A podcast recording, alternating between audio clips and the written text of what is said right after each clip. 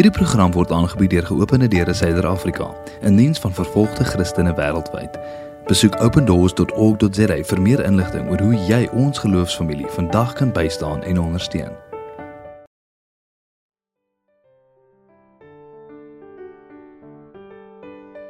Jy luister na Werkende Wondervrou, 'n potsending vir werkende ma's. Werkende Wondervrou, die perfekte kombinasie van geloof, ma wees, 'n suksesvolle loopbaan en 'n doelgerigte lewe. Aangebied deur besigheidsvrou en ma van 2, Rona Erasmus. 15 minute elke Vrydag om 1uur.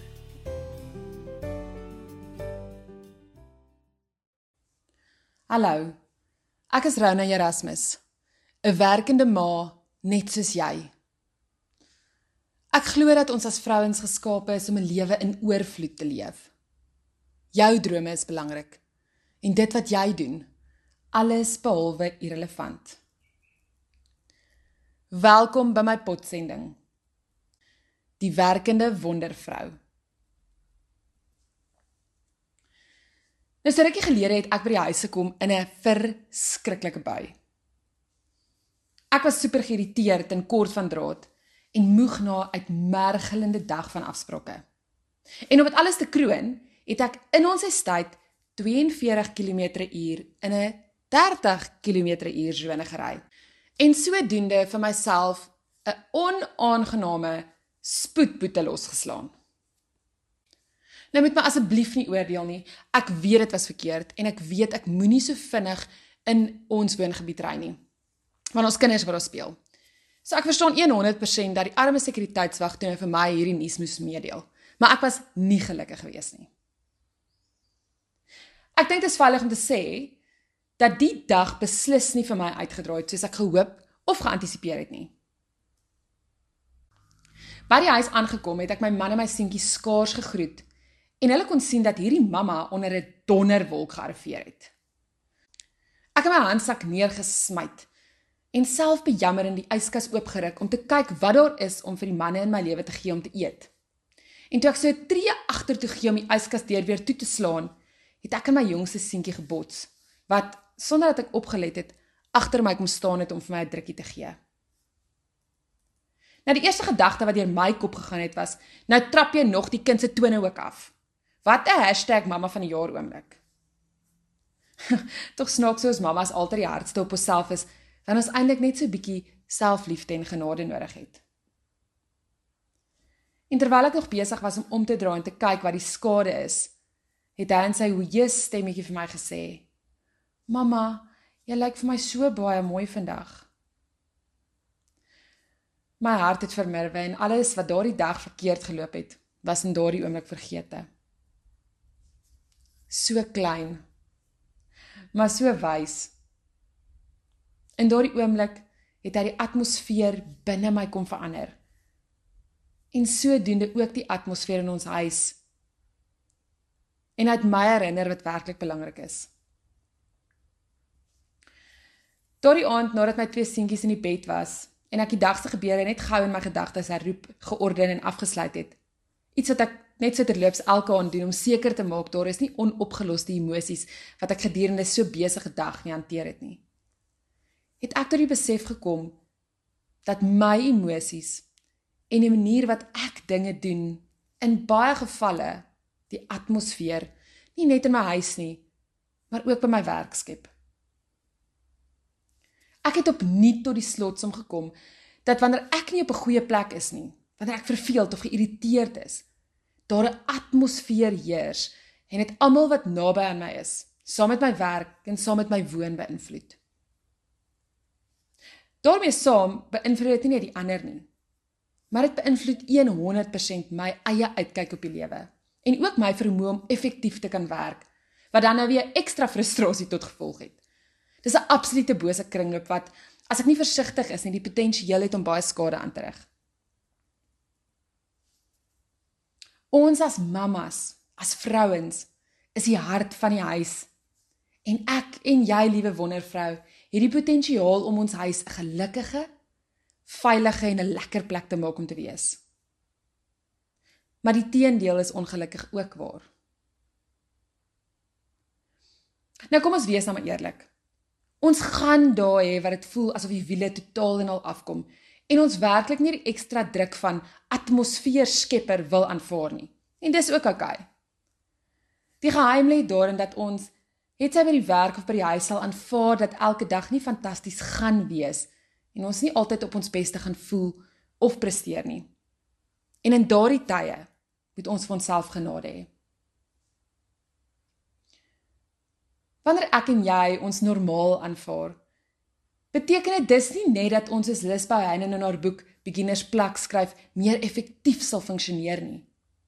Dit beteken ook dat ons in staat sal wees om te herken wanneer ons nie noodwendig op 'n lekker spasie is nie. Maar om dit te kan herken, moet ons eers bewus word daarvan.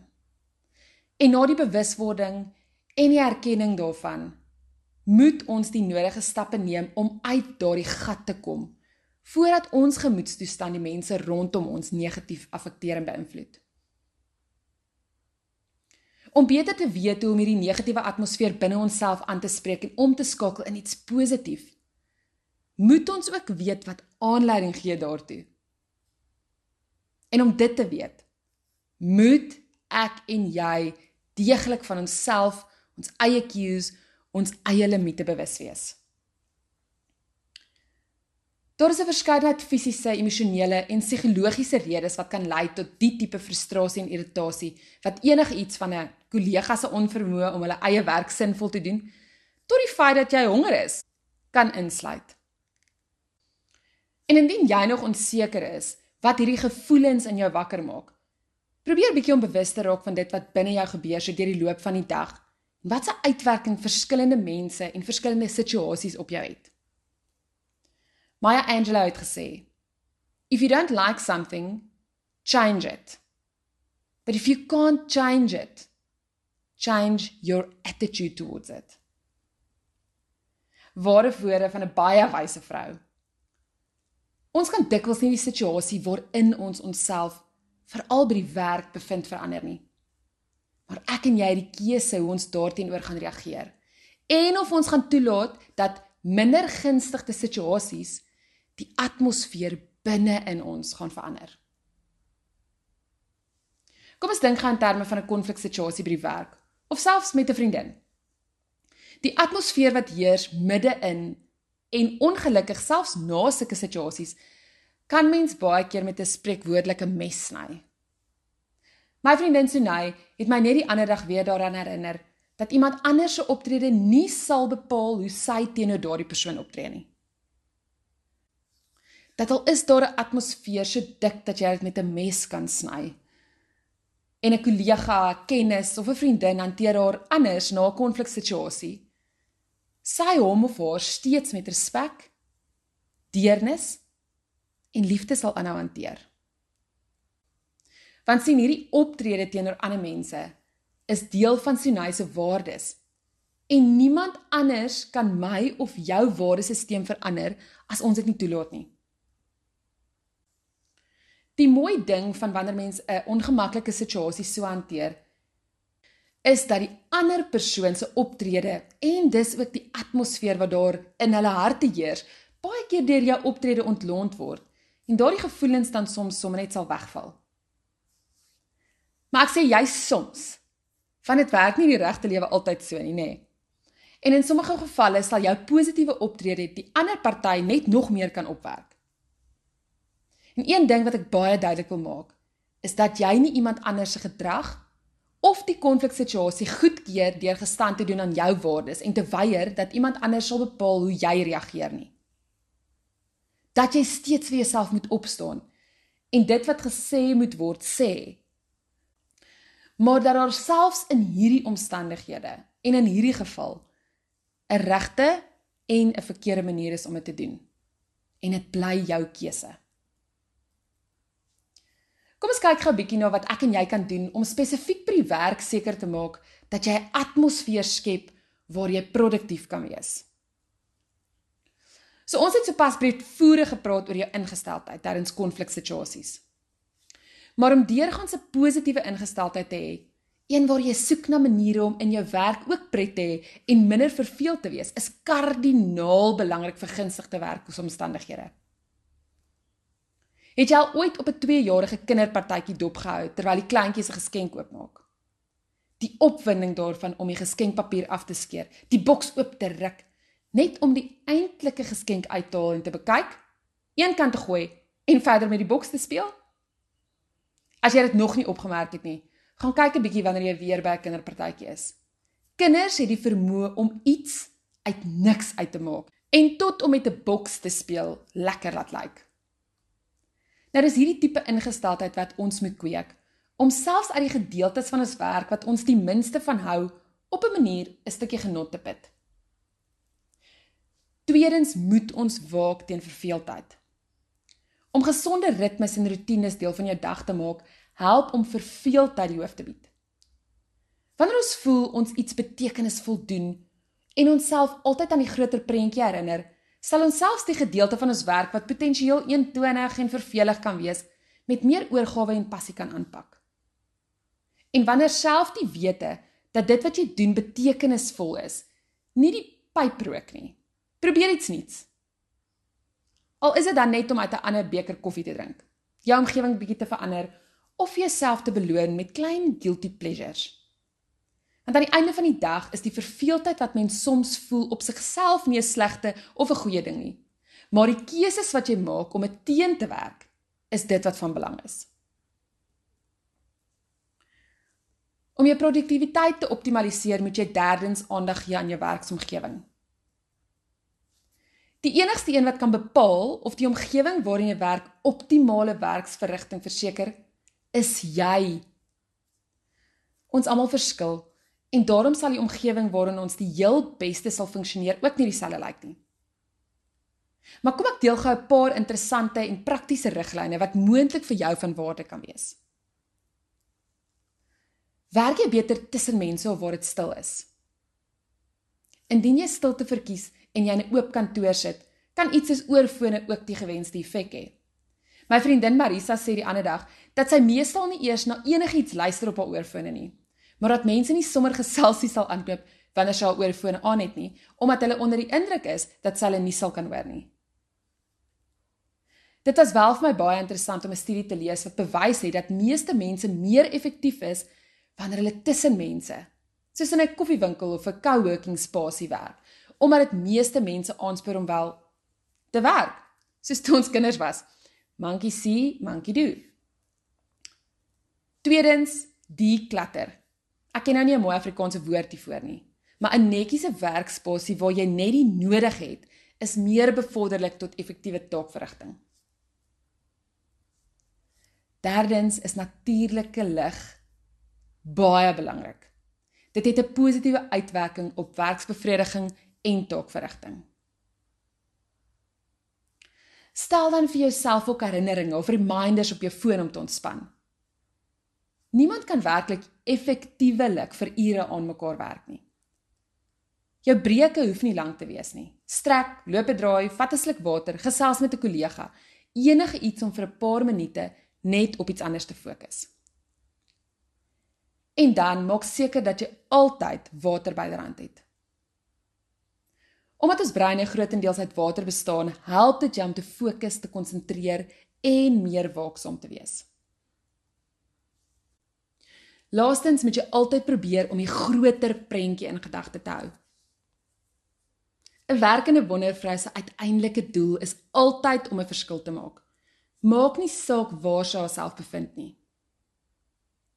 Herinner jouself dat dit waarmee jy besig is deel is van 'n groter prentjie van die groter doel in jou lewe.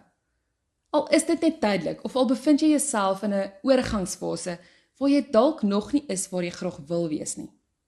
Onthou ek dat Rome nie in een dag gebou is nie. En dat elke dag, elke stukkie werk, elke ding wat jy doen jou nader bring aan die plek waar jy graag wil en moet wees. Probeer om op een ding op 'n slag te konsentreer en doen dit waarmee jy tans besig is tot die beste van jou vermoë.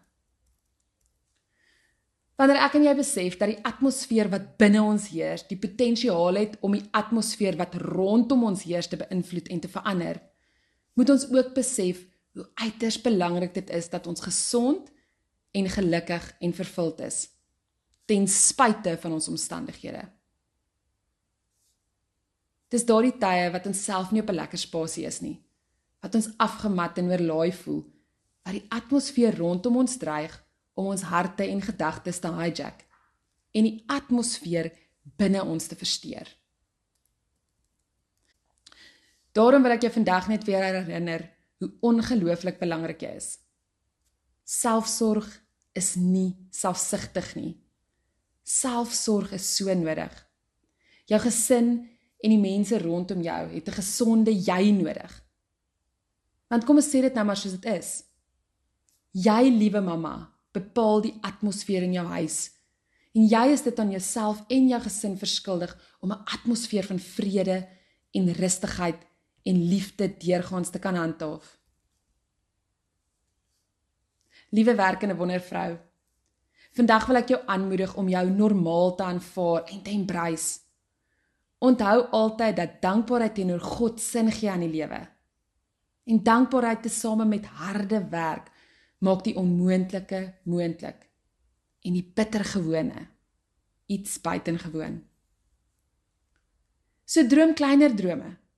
Wees bereid om hard te werk en erken die belangrike rol wat jy kan en moet speel in die skep van 'n atmosfeer wat gunstig is, nie net vir jou nie. Die is Helen se storie. Sy is 32 maande in 'n skeepsvraghouer aangehou. Sy is gemartel, gevra om haar geloof te versaak, maar sy kon nie. Ons broers en susters is steeds opgesluit.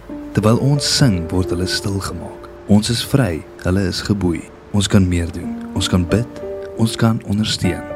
Jou geskenk aan geopende deure vandag kan vervolgde Christene in die gevaarlikste lande bystaan. SMS geloof na 43699 om vandag te skenk of besoek opendoors.org.za.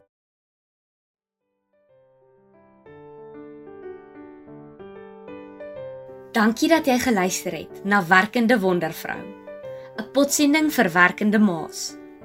Jy kan volgende week weer saam luister na Rona Erasmus.